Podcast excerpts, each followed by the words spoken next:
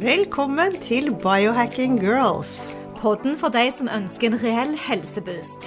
Vi holder oss oppdaterte på siste nytt innen helseforskning og tester ulike dietter, fitnesstrender og mentale teknikker. Ja, bli med oss på en spennende reise der målet er å lære hvordan din kropp kan heales, hvordan du kan aldres i revers, og hvordan intuisjonen din kan styrkes, sånn at du tør å stole på egne helsevalg. Nå er vi kvitt alle covid-regler, så nå i dag har vi en fysisk gjest med oss i studio. Ja, Det er helt utrolig. Noen som har kommet hjem i vår lille stue her. Vårt veldig bra podkaststudio har vi med oss Alexander Stormskjold. Og det er ikke hvem som helst. Jeg vil si han er Norges svar på verdens største biohacker, eh, Ben Greenfield. Ja, altså det, tenk å ta den, eh, det er mye å ta på seg dette, men, men vi snakker altså performance coach, human optimizer, NLP-coach. Altså Målet til Alexander er å forandre og forbedre, og at mennesker som han jobber med, skal vokse i seg sjøl. Velkommen, Alexander. Vi er så spente. Du er òg biohacker, og det er jo faktisk derfor du er her på podkasten vår. Tusen takk. Det var en utrolig gjev eh, introduksjon. Det må jeg si. Det er som du sier, da. Det er, det er, litt å leve opp til. Ben Greenfield er jo definitivt et uh, ikon og en som jeg ser på som en mentor uh, når det kommer til å ja, lære seg nye ting og være oppdatert på det som er viktig. Da. Så tusen takk. Takk for at jeg får være her. Men vi må jo begynne med din eh, bakhistorie. Hva, hvordan kom du hit du er nå? Begynn helt fra du var liten, og fortell hvorfor du er her. Hvorfor du er her og har så lyst til å engasjere og lære mennesker. Og trives bedre i seg sjøl og ta fatt på utfordringer. Det er jo det vi føler at du har liksom driven på. Mm.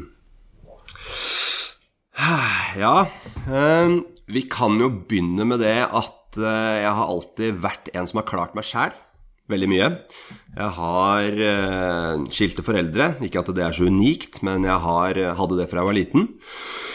Jeg var mye sinna. Jeg var mye frustrert. Jeg hadde mye uro i kroppen. Jeg har aldri vært og testa meg, men det er nok sikkert noe ADHD i bildet her.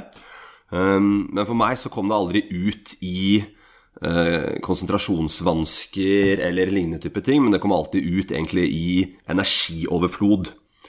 Så for meg var det alltid vanskelig å sitte stille. Eh, når man ble bedt om å sitte på stolen og gjøre det man skulle, det var ikke optimalt for min del. Eh, det genererte jo selvfølgelig x antall situasjoner opp igjennom. Eh, det som kanskje også har vært en veldig viktig driver som jeg har sett i retroperspektiv, det var jo også det at Der og da så tenkte jeg ikke mye over det, men jeg ble mobba fra andre klasse, eller fra ja, andre klasse til nesten niende klasse.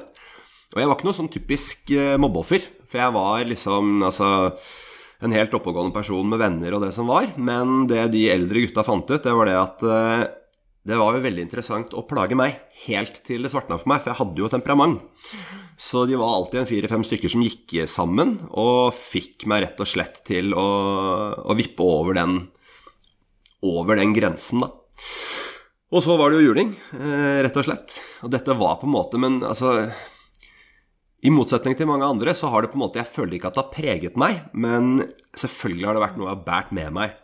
Og det som kanskje har vært et veldig stor ting som har sittet i meg, da, basert på disse opplevelsene, det vil jo være det at jeg lærte veldig fort å ta vare på meg selv. For jeg gikk ikke hjem og gråt. Jeg fortalte ikke om det her. Eh, mamma og pappa visste ikke sikkert før det hadde gått en fire-fem år, i hvert fall. Um, så jeg har alltid lært meg å stå i meg selv, og egentlig bare stole kun på meg selv. Og det er jo en styrke, definitivt, og det har vært en stor pådriver i livet mitt og har gjort at jeg har kommet veldig langt på mange felt ganske tidlig. Og alltid gitt meg en voldsom pågangskraft. Ehm, men samtidig, de siste årene, når man blir litt eldre, og når man også klarer å se ting mer helhetlig, da, som jeg jobber veldig veldig mye med for tiden. Det er jo en stor del av visjonen min og min tilnærming til performance og coaching. Det å se helhetlig og ha balanse på alle plan. Og det jeg da har sett, er jo det at eh, det har jo også gjort meg avstumpet på en del ting, og gjort at jeg har også heller ikke vært i kontakt med veldig viktige elementer uh, av meg selv. følelser, eh, frykt, ydmykhet, sårbarhet. Det å tørre å, å, å, gråte og gi seg hen til følelser, da. Og ikke minst tørre å se det i seg selv og akseptere det. Og det som gikk opp for meg ganske ja, i starten av 20-årene, det var egentlig det at jeg alltid har hatt veldig god selvtillit. du kan godt kødde med meg, det, den tar jeg på strak arm, liksom. Prøv. Men, men, det er jeg ikke redd for. Jeg er aldri redd for en utfordring eller en motstand. Men jeg har innsett at jeg hadde veldig dårlig selvbilde veldig lenge. Det er det jeg har sett veldig i retroperspektiv, og det har jo vært en underliggende faktor også, som har gjort at jeg har måttet jobbe mye med meg selv. Så for meg er det viktig da å egentlig fokusere, da, altså som mann da, i denne moderne verden, på det at uh, vi må ta til oss da, flere deler av oss selv, og at vi må på en måte utforske mer av oss selv. Da. Var det dette som gjorde at du da ble nysgjerrig på biohacking. Er dette grunnene som ledet deg opp til uh... Eller kanskje trening først, for ja. du begynte jo veldig tidlig. Jeg hørte deg på en podkast ja, ja, uh, hvor du startet. Det var jo kanskje de første biohacksene med treningsmålingene dine. sant? Definitivt. Ja. Eh, dere har helt rett. Så det har vært en todelt vei, egentlig. Mye det her er her, for det gjorde at jeg gikk veldig mye meg selv, og alltid var veldig interessert i hvordan kan jeg forandre meg, hvorfor er jeg som jeg er, hvordan fungerer jeg? Eh, hvordan kan jeg eventuelt optimalisere det? Men ikke minst, som du sier, da, trening. Det var veldig viktig for meg. Um, så ja, når jeg var 13, kanskje, når de fleste andre kjøpte seg PlayStation, så kjøpte jeg meg benk og vekter. ja. Litt utenom uh, malen. Ja. Mm. Litt utenom det vanlige. Og da fulgte jeg jo selvfølgelig opp med at jeg ville jo maksimere det potensialet. Og da satt jeg og leste på treningsforum og på Fitnessprat, som var de gjeldende treningsforumene på den tiden. Eh, og satt og leste timevis hver eneste dag. Og trente, og begynte selvfølgelig med mat, med kosttilskudd, hvordan jeg kunne optimalisere treningen, få mest mulig effekt, muskelmasse, styrke. Dette var ting som var i fokus på den tiden. Var det mulig å måle på den tiden? Ja, det var nok det. Men uh, da var det Altså, jeg brukte jo egentlig meg selv som altså, et levende eksperiment, da. Det var hele tiden prøving og feiling av forskjellige ting. Og der òg referansene våre til Ben Greenfield for dere som lytter på hjemme. fordi at her sitter Alexander da, han er kjekk. altså Man kan ikke tro at han har uh, blitt Altså, du ser veldig bra ut. Han ser ut som en bodybuilder. Ja, altså, har muskler og har um, tatoveringer, og han ser sterk ut. da. Ser, du ser ikke ut som en uh, gutt som kunne blitt mobbet i skolen. Men Ben Greenfield startet jo òg med trening, og det er jo det fordi det er lett å, å måle i form av muskelmasse, performance, som du snakker om da, eh, utholdenhet. Og også få ut følelser ved å løfte vekter, sånne mm. ting. Få det ut på en annen måte. Ja. Veldig enig, veldig enig. Jeg må bare si det. det du har helt rett. Mm. Helt riktig eh, oppfatning. Det var, veldig, det var en, ventila en, ventilator da, mm. for meg, rett og slett. Det å ventilere ut følelser, og ikke minst at jeg kunne finne et sted hvor jeg følte meg sterk og trygg. Ikke sant? Fantastisk. Altså, det er jo eh, Og jeg tenker òg at det må være en del av motivasjonen. Det er når du skal hjelpe andre òg, og så finne det punktet hvor Men vi, hvis vi snakker litt om eh, Alette nevnte biohacks, da. Hva var dine første biohacks i forhold til trening og coachingen din? I forhold til trening, nå, altså helt fra jeg var liten, så begynte det jo med liksom godt gammeldags proteinpulver, med kreatin, eh, med fat burners, du hadde forskjellige typer sånne stack-blandinger, som er egentlig altså mer energi. Um, jeg eksperimenterte også veldig mye med mat. Alt fra åtte brødskiver med ost hver eneste dag på skolen, til at jeg også f.eks. eksperimenterte på videregående med å spise kun 13 egg om dagen. That's it. På diett. 1200 kalorier. Og hva skjedde da? Nei, Man var ikke så veldig, veldig mye energi, da. Det, det, var det definitivt ikke. Litt sånn flirete sidenotat på det er jo at på den tiden også så kunne man jo bestille Da var det ikke så god regulering på kosttilskudd. Så jeg innså jo det at jeg bestilte jo hele tiden, satt og eksperimenterte med forskjellige kosttilskudd bestilte da fra statene. Og det var jo noen av disse energitilskuddene som jeg tror eh, Som jeg vet har blitt ulovlig i ettertid. Så jeg var jo ganske blid. Jeg følte meg ganske bra jeg veldig lenge. Men du, eh, kan jeg spørre, eller Vi er jo opptatt av ketokosthold og det å være en fat burner. Det er jo ikke gitt at alle klarer det, men har du en preferanse på fett og carbs i forhold til trening? Definitivt. Definitivt. Um, de, første, ja, de, første, årene, da, fram til jeg var, fra jeg var 13 til jeg var kanskje rundt en par og tyve nesten, så var det egentlig bare bulking. Og det var, altså, jeg hadde fokus på kost, men ikke på kvalitet. Mm. Um, jeg trente masse, men jeg konsumerte masse dårlig mat, rett og slett. Så fikk jeg veldig øynene opp for eh, paleo. Altså et veldig rent, en ren måte å spise på. Og paleo er jo tilnærmet keto. Eh, det er jo fokus på fett, fokus på proteiner, fokus på faste. I hvert fall tolv timer i døgnet. Fokus på riktige, sunne råvarer da, som du kan sanke. Eh, for de som hører på, så er det på en måte et, et steinalderkost. da. Og steinalderkosten er jo, da kan man jo tenke seg selv, det blir jo fort forankret opp i en moderne keto. Eh, Rett og slett fordi at det er vel, altså ikke prosesserte matvarer, ikke noe som er kunstig, kun det du kan ja, sanke i naturen. Um, og da begynte jeg med det. Um, følte meg veldig mye bedre. Bedre funksjon, bedre utbytte på trening også. Definitivt. Uh, og etter det, ja, ca. fra jeg var 21, da når det liksom åpnet opp øynene for det, og så hvordan det hjalp meg, da ikke, altså både med trening, men ikke minst også med hvordan man føler seg, energi og overskudd, så var på en måte det inngangen da, til et mye høyere fokus på kosthold og kvaliteten på kosten og de små, smarte justeringene. Dette er kjempespennende, men er du da opptatt av eh, Altså, bruker du carbs eller bruker du proteiner i forhold til treningen din? Hvordan cycler du nå når du skal bygge styrke? Sånn som jeg sykler nå, så er det primært fett og protein det går i. Eh, Så lenge det er styrke, da, det vil jeg jo si. For altså, nå snakker vi litt om, om ja, Jeg vet at vi skal snakke litt om styrke og, og muskler og litt sånne type ting. Og da vil jeg si at det er fett og proteiner som er definitivt det som funker best. I hvert fall for min del. Det er i hvert fall min oppfatning av det.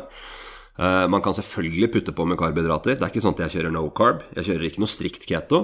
Men et, et lite, altså et minimalt inntak av carb er det som fungerer best for meg. Og det kan jeg også presisere da, at det viktigste når du skal trene styrke og generere muskelmasse, uansett om det er styrke eller volum eller, eller utholdenhet i muskulatur, det er proteiner.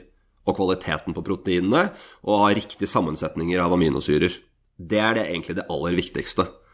Men det er veldig vanskelig å vite uh, riktig sammensetning av aminosyrer, i alle fall. Særlig de du ikke kan produsere selv. Hvordan, eh, ser, et kost, hvordan ser et måltid ut for deg, da? Eh, Et typisk måltid for meg eh, Jeg spiser primært to ganger om dagen. eh, Faster til mellom tolv og to. Og så spiser jeg da en større lunsj, som da er alltid da ja, altså Det kan være en salat, men med en tung proteinkilde. Enten kylling eller fisk, eller fiskekaker. Disse Lofoten-fiskekakene, f.eks., som er ja, høy, høyt innhold av fisk. Det er det viktigste for meg. Ikke hvilket merke det er, men at det er et rent produkt. Det er viktig. Um, og så vil jeg følge opp da senere på dagen med en større middag. Primært da etter at jeg har hatt en treningsøkt. Og Den vil ligge kanskje i 6-7-tiden, og da passer jeg på å få i meg nok proteiner, nok fett, og ha en, en, en, en mengde da som tilsvarer det som er viktig for meg. Og grunnen til at jeg er litt sånn vag i detaljene her, det, det er rett og slett fordi at det er veldig individuelt. Ja, det skjønner vi. Ja.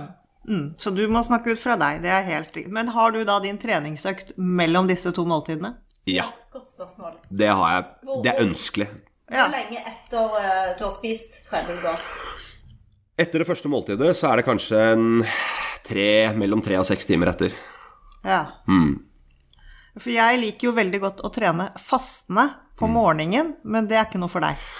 Jeg har gjort det. Ja. Mye. Eh, Og det er en tilvenningssak. Eh, Men da er det veldig For meg så har det alltid vært litt sånn tidsberammet, da. Fordi at da må jeg gjøre det helst så tidlig som mulig. Fordi jeg har trent f.eks. inn mot siste timen i fasten. Det blir veldig dårlig. Da er det dårlig energi, da. Og da kan jeg også presisere, da, i og med at eh, det er det vi snakker om, styrketrening, da er det viktig å ha nok energi. Jeg ville aldri gjennomført styrkeøkter med for tomme glykogenlagre. Rett og slett, for da blir det en suboptimal treningsøkt, og da får du ikke utmattet muskulaturen så mye som du trenger for å få maksimal gevinst. Så kardiotrening, det kan du kjøre på med, egentlig fastende eller nesten sultne. Ja, det kan du jo. Du kan, men for å få mest mulig ut av eh, styrketrening, definitivt ha energi. Ja, Da må jeg bare ha et spørsmål, fordi at jeg har hatt covid. eh, og nå er det liksom, ja, en del uh, uker siden. Men jeg har så vidt kommet i gang. Og jeg kjenner at jeg har lyst til å trene etter jeg har levert barn på skolen, tidlig på morgenen. Og da spiser jeg middag eh, fire-fem dagen før, så fasten er liksom ja, nesten opp mot 16 timer. Hva ville du anbefale meg å spise på morgenen før jeg skal gå eksempel og ta en styrkeøkt for å makse, og tiden da, hvor, hvor liksom mange timer, eller hvor få timer kan det gå fra jeg trener, eller fra jeg spiser til jeg trener? Her har jeg faktisk et veldig godt svar, og det er noe som jeg har funnet ut av i relativt nyere tid. Eh, og det funker veldig bra. Eh, jeg har jo alltid visst om det og praktisert det til en viss grad selv, men nå har jeg på en måte fått mye mer tung teori rundt det også. Eh, ja, jeg har i hvert fall fått sjekket opp i det. Eh, og det er da faktisk Da har du en som heter Nå husker jeg selvfølgelig ikke det. Det er i hvert fall en veldig veldig kjent bodybuilder eh, på 80 inn mot 90-tallet. Eh, han har faktisk gjestet podkasten til Ben Greenfield, og de har snakket om det her. Det som i hvert fall er løsningen på problemet, da, eller på utfordringen, det vil jeg si at det er å få i seg da essensielle aminosyrer før, ca. en time før, 30-60 minutter før, underveis, dvs. Si at du fyller opp en ny dosering som du drikker av, slurkmessig, underveis under økten, og en dosering etterpå. Så alt i alt mellom 20 og 30 gram essensielle aminosyrer av høy kvalitet. Snakker du da tilskudd, eller snakker du kjøtt? Jeg snakker tilskudd. Definitivt. Og hva er, hva er et typisk eksempel på et tilskudd, da? Er det en proteinpulverpakke, eller hva? Ja, det er, det er altså rene aminosyrer. Aminosyrer. Men, eh, hva, hvilket merke? Altså, jeg, jeg bruker ingen til, Vi bruker ingen sånne ferdigfabrikkerte ting. Vi spiser bare ren mat, så vi er helt grønne. Aha, jo, men ok, kjempebra. Ja, ja. Um, der igjen så er det veldig stor forskjell. Alle, eller veldig mange som trener, har hørt om BCA. BCA, ikke sant? Og det blir solgt i store kvantum, det blir brukt av veldig mange, men det er veldig ofte suboptimalt. Dere kjenner jo til kosttilskuddsverden generelt sett innenfor helse, og det er akkurat det samme når det kommer til trening. Det er veldig svevende kvalitet.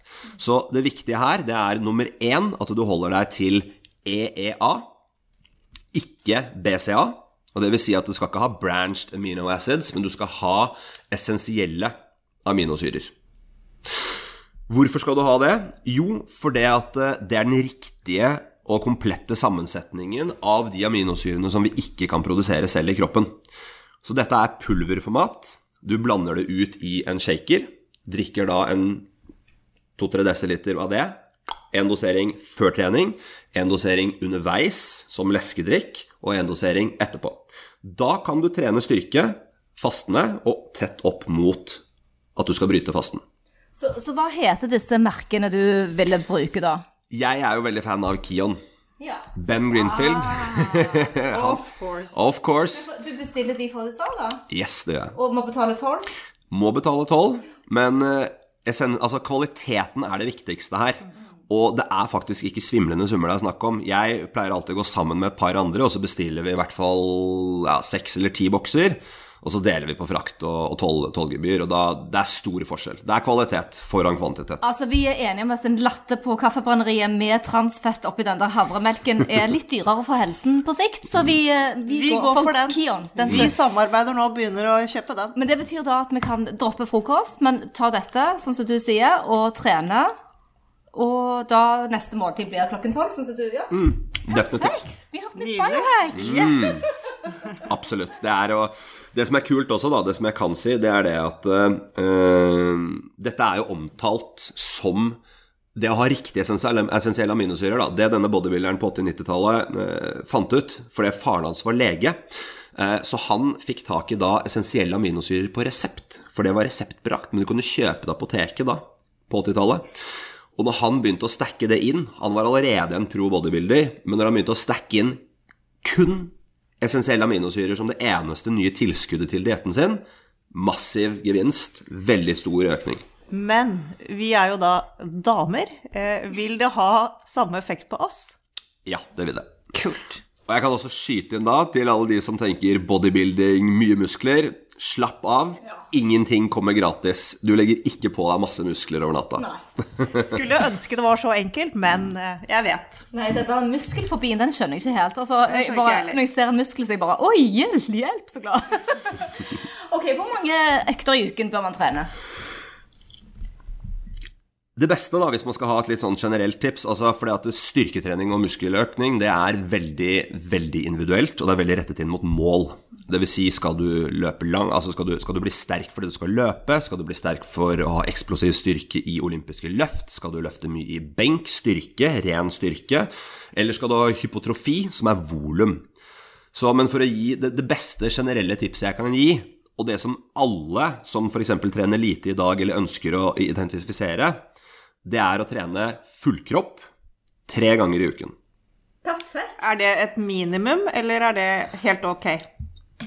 To ganger fullkropp i uken, det er minimum. Det vil være et rent helse... helse hva skal jeg si, et helsetips i mine øyne. Alle bør trene styrke fullkropp to ganger i uken, på den ene eller den andre måten. Men putter du på den tredje økten, så har du også nok volum til at du vil kunne få økning og gevinst. Ja. Definitivt. Det er jo helt fantastisk. Eh, Gjør du andre kule ting relatert til trening? Da tenker jeg på restitusjon og meditasjon og turer. Og har du noen andre viktige supplementer til treningen? Definitivt. Definitivt. Eh, Det har jo på en måte vært Jeg kan jo skyte inn det at eh, mitt problem har alltid vært hvilen. Ikke sant? Høyenergisk, høyvibrant, masse energi. Ikke noe problem for meg å trene. Jeg kunne trent syv dager i uka, tre timer, hvis det hadde vært eh, fordelaktig. Så det er veldig kult at du spør, og det har jeg dykket veldig mye inn i det siste. Og det er også fordi at det er så viktig. Jeg kan si da, nummer én restitusjon. Nummer to næring. Og så kommer egentlig den faktisk den fysiske treningen. Sånn prioritetsmessig. Så hvis du hviler bra og spiser bra og får i deg riktige næringsstoffer og riktig kost, så kan du trene forholdsvis lite. For det er ikke fryktelig mye å trene fullkropp f.eks. tre ganger i uka. Det er å sette tre ganger 45 minutter til side i løpet av eh, ganske mange hundre timer. Det er ikke så mye, nei. Nei.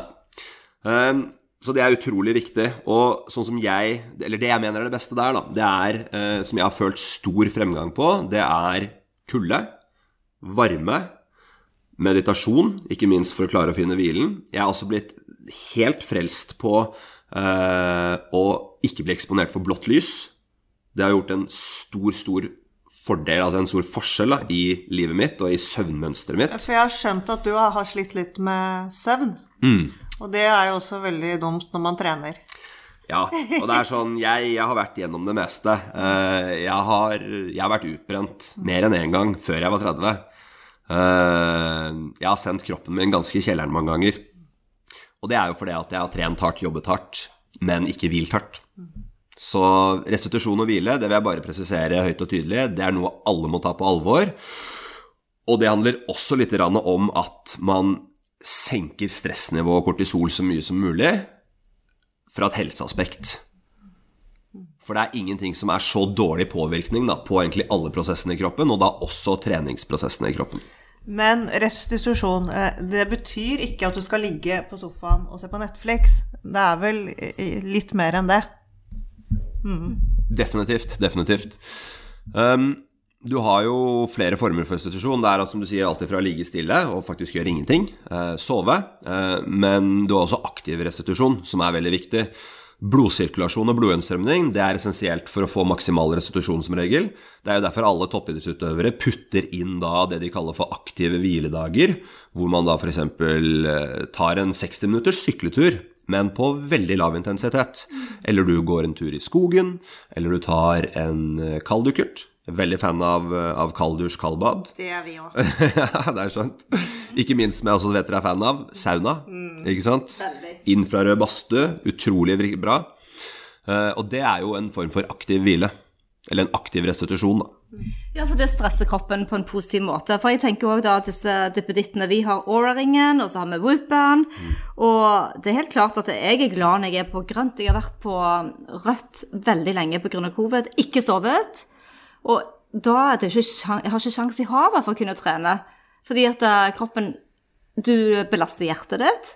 Og du belaster hele, hele altså du, du, kan, Det kan gå så langt at du ikke kan trene på flere uker hvis du ikke lytter til det. Så vi har på en måte fått det biohacket inn på armen vår som er for lesingene, men det handler jo òg om å kjenne litt etter. Man kan fort gå seg litt vill på for mange sånne duppeditter man skal følge. Men du, eh, har du en meditasjonsteknikk du bruker? Ja, både og. Um, jeg er veldig fan av en som heter Sam Harrison. Som er en veldig anerkjent meditasjonstrener. Um, han har sin egen app. Jeg liker jo at det er litt system på ting og litt rutine. Uh, for meg å sette meg ned og kun fokusere på pusten kan være vanskelig, i hvert fall når hjernen går på høygir. Uh, så jeg er veldig fan av den appen. Uh, det fins mange apper, men bl.a. Sam Harrison sin meditasjonsapp som heter Waking Up. Den er veldig fin. Den anbefaler jeg på det sterkeste til alle som har lyst til å begynne å titte på det. Der har du dagens meditasjon hver dag som du kan enten bestemme om det er 10 eller 20 minutter. Da får du en viss form for guidet meditasjon. Ikke minst så er det hundrevis av teoretiske lessons, og ikke minst også eh, forskjellige andre typer meditasjoner der, da. Han har en ganske kul ting også, det er det at der, der betaler du hvis du føler for det. Så det er lavterskel. Kjempebra. Du, Tar du noen supplementer som du har lyst til å dele med oss? Hvordan ser eh, pilleskrinet ditt ut? Ja, hva, er det som ikke er der, si? Det er vel heller det. Um, Ta basic, du. Det ja, for det er jo det jeg også vil si. ikke sant? Altså, Vi tre kunne snakket mye om det her, og vårt, vårt skap ser nok litt annerledes ut enn det, enn det de fleste gjør. Men det jeg vil si igjen, da, altså, det som jeg bare har anerkjent så utrolig mye, da, fordi jeg har jo prøvd mye og utsatt meg selv for mye, og prøvd store doser, små doser, alt mulig rart, men det viktigste det er høy kvalitet på heller færre produkter enn å få i seg masse forskjellige som visstnok skal være bra. Så det jeg vil anbefale til alle, det er magnesium før man skal sove. Det er sink, C-vitamin, D-vitamin, spesielt nå når vi går inn i dette mørke årstiden. Eh, og en, vel, altså en, en ren, god kilde til omega-3. Helt perfekt. Jeg føler vi er ganske flinke med dette. her, Ja. Dette har vi naila. Har du de fire-fem komponentene, så da har du det. Du, da har du en veldig god plattform.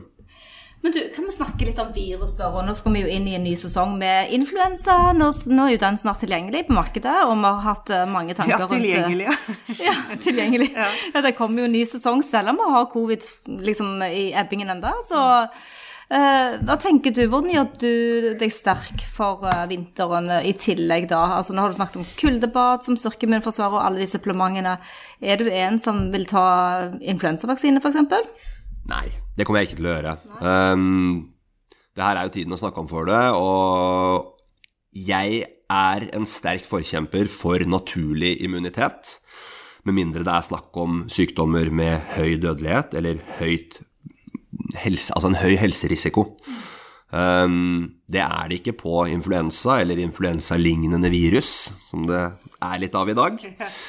I hvert fall ikke i mine øyne. Jeg kan kun snakke for meg selv. og jeg anbefaler i hvert fall alle, og det viktigste for meg er at alle tar tak og tilegner seg informasjon på egen hånd. For det, det er vel ingen som egentlig hadde Altså Hvis du tror på alt du leser i avisen, eller hvis du, se, hvis du har lyst til å bli bedre på trening, da, og så googler du, og så tar du det første søket, og så leser du én artikkel Det er jo ikke en god tilnærming. Du lærer kildekritikk på skolen, du lærer at du skal ha mange referansepunkt. Det er egentlig det viktigste for meg, å egentlig trigge litt nysgjerrighet, og at folk tar litt ansvar for egen tilnærming og egen kunnskap rundt fagfelt. Og egen helse.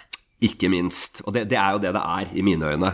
ikke sant? En av de tingene jeg presiserer veldig ofte da på min sosiale profil på Instagram, det er ta ansvar.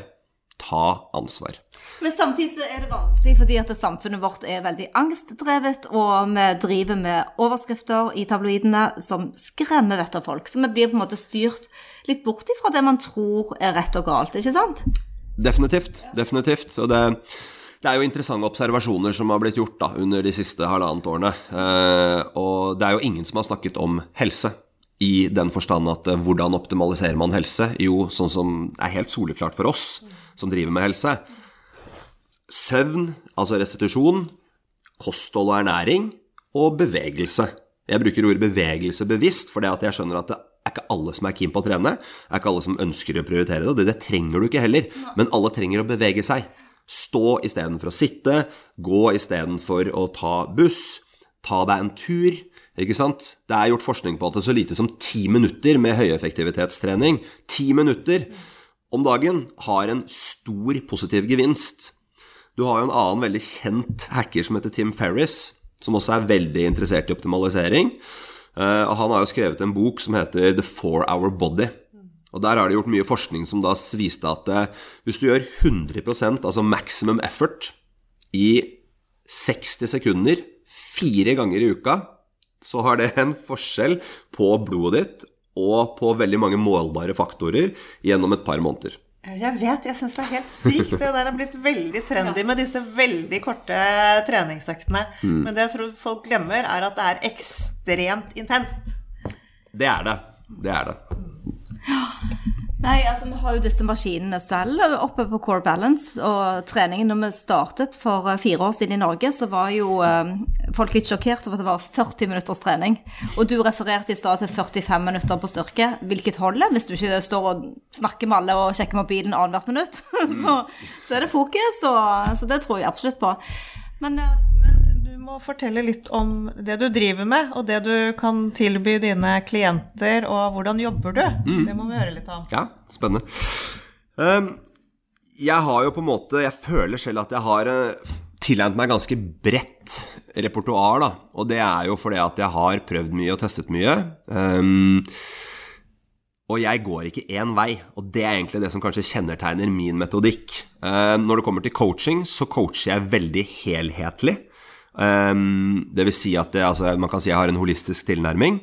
Og det er fordi at jeg har innsett da, gjennom et langt liv med utfordringer både mentalt, i livet og ikke minst fysisk. det henger sammen. Det henger sammen.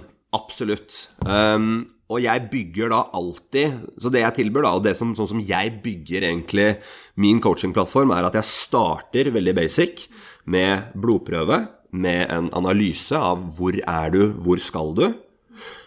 Og så går jeg gjennom de tre viktigste faktorene som er bunnelementet i helse. Som jeg sa i stad. Restitusjon. Så fint at du starter med tester. Ja, Definitivt. det er det ikke mange som gjør.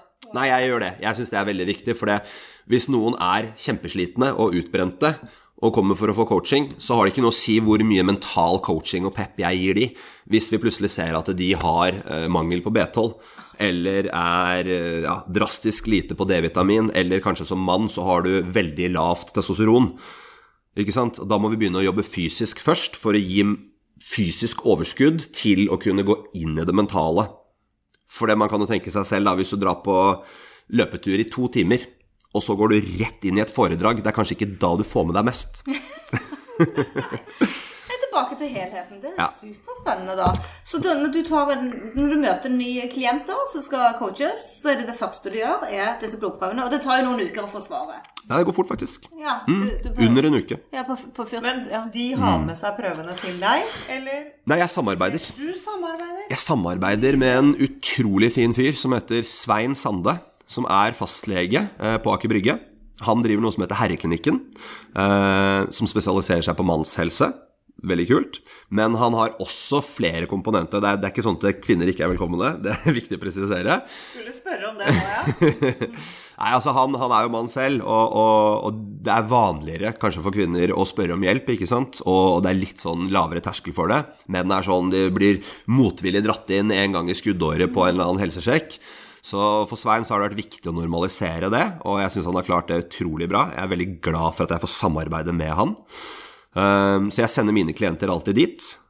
Etter den første coachingtimen så sender jeg de dit. Så sier jeg greit, book en time hos Svein. Uh, si fra når du får tilbake resultatene, så går vi gjennom de sammen. Um, og så tar jeg det og følger det opp videre derifra, da. Du, dette er veldig amerikansk. Jeg føler det er så kult det du representerer her. Fordi at det, altså, vi klarer ikke å finne ut av ting selv. Eh, veldig mange kommer ikke i gang rett og slett fordi de mangler kunnskap. Og jeg har selv jobbet med eh, nurse practitioners i eh, USA, som da jobber for en lege, men har kunnskap og kan gjøre de viktige, viktige undersøkelsene i forkant for å komme. Så det, det må jeg virkelig si. Så da har du én kunde. Og hvor lenge jobber du med en kunde før de liksom kan begynne å bli selvstendige? Nå tenkte jeg litt på lommeboken òg, jeg. Altså, for meg så er det viktig er, ok, Nummer én, det er viktig at vi finner en kjemi, og at vi kan samarbeide. Jeg er ikke i det her for eh, Altså, man må ha en økonomisk gevinst, men det er ikke primærfokuset mitt. Så for min del så er jeg veldig fan av å heller lage pakker. Ikke sant? At vi setter oss sammen. Jeg har en policy på at den første timen, den er gratis. Alltid. For da finner vi ut av om vi kan samarbeide, og hvordan vi kan gjøre det. For det er ikke interessert i å Altså, det, det skal være Altså, for å si det sånn, da. Hvis man vil gjøre en forandring, så må du ville det selv. Jeg kan ikke gjøre noen ting for deg, men jeg kan hjelpe deg. Men det må være et brennende ønske om å gjøre en forandring selv. Du jobber ikke med folk som ikke er 100% motivert? Helt korrekt. Jeg vil faktisk heller stoppe samarbeidet hvis jeg føler at eh, det ikke er nok motivasjon og ønske om å legge ned den jobben som trengs. Og Derfor så jobber jeg da som sagt helst pakkebasert, og så ser vi om du trenger én, to eller tre økter eh, i uka. Om du ønsker oppfølging på telefon. altså Jeg, Jeg skreddersyr rett og slett pakker, da. Men jeg vil jo si, da, sånn for å gi noe litt konkret noe på spørsmålet ditt, at eh, hvis du gir meg et par måneder, så vil jeg kunne drastisk forbedre både helse og mental innstilling. Wow, altså jeg ble fristet selv. altså Dere som hører på her hjemme, hvis du sliter med å komme i gang med motivasjon og, og kontakt Alexander Jeg har nesten lyst, ja. Men øh, hva er den typiske kunden din? Hvem er det som oppsøker deg? Har du en typisk kunde, eller? Jeg har faktisk egentlig ikke hatt det enda. Jeg føler ikke det. Jeg har hatt alltid fra kvinner, menn, unge, gamle. Um, jeg har også bedriftskunder som jeg jobber med. Altså, jeg jobber med business coaching. For jeg har jo jobbet ti år som salgssjef også. De siste, ja, siste ti årene. Så jeg har mye erfaring fra det. Um, men jeg er åpen for alle. Det er som jeg sier da, at For meg så er det ikke viktig hvem du er, hvordan du ser ut, hvor du kommer fra, om du føler at det går bra eller dårlig, om du øh, Altså, om, om, om, du er Enten du kan komme til meg for å bli bedre. Og det eneste jeg krever, det er to ting. Det er at du møter opp og gir ditt beste, og at du gjør det vi blir enige om. Det er de eneste to tingene jeg krever. Og utenom det så kan du komme for å spisse toppformen, for å makse prestasjonen din hvis du ønsker å bli bedre på noe konkret, eller ja, maksimere potensialet ditt innenfor en viss kategori. Eller du kan komme til meg hvis du ønsker bare å bli bedre, eller bli tryggere på deg selv, eller ønske mer driv i hverdagen. Det er for meg så, så jeg, jeg, ønsker å bistå de fleste, da. Helt nydelig. Det har vært en utrolig interessant og spennende prat med deg, Aleksander. Eh, vi har jo alltid noen spørsmål på slutten eh, før vi gir oss. og bare, Har du noen, eh, har du én eller to bøker som du leser for tiden, som du kan anbefale?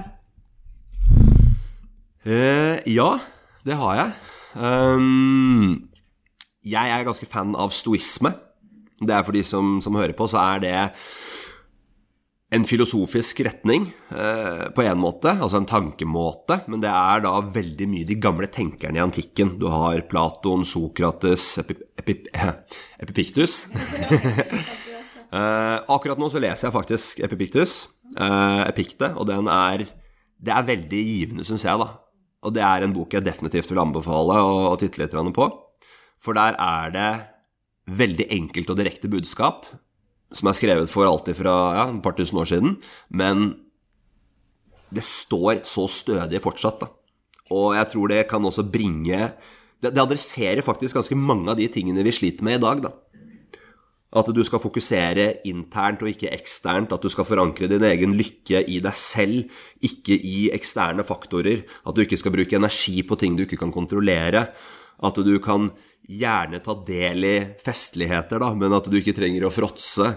At det er liksom sånn Det er, det er mange liksom guidelines da, som var høyaktuelle, som de tenkte på da, i f.eks. den gamle romertiden, men som fortsatt er veldig reelle i dag. Så det er en bok jeg absolutt vil anbefale. Veldig spennende. Veldig spennende. Jeg har ett siste spørsmål, og det er jeg går ut fra at du har eh, morgenrutiner som en eh, biohacker. Hva er din favoritt-morgenrutine? Du kan bare si én ting du aldri ikke gjør. en av de tingene i morgenrutinen. Ja. Ellers blir det for langt. Ja, ja, ja. ja. Jeg, jeg skjønner til det. Ok, da skal jeg holde veldig kort, veldig enkelt. Re opp sengen. Yes! Så kult! Ja. Fantastisk. Vi må få notert ned både boktips og meditasjonsapper og alt du har delt med muskelfremmende elementer og essensielle aminosyrer før ja, ja før trening. Det skal vi gjøre. Ja. Tusen takk, Aleksander. Veldig, veldig hyggelig.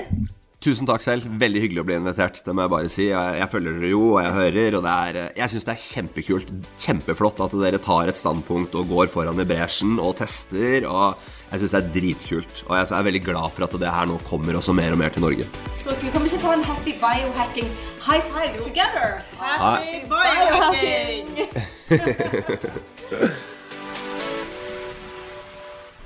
Vi minner om at dere må snakke med egen lege eller kostholdsveileder om dietter eller andre spørsmål relatert til medisiner og supplementer. Informasjonen vi deler kan ikke bli brukt til å diagnostisere, behandle, forebygge eller kurere noen sykdommer eller tilstander.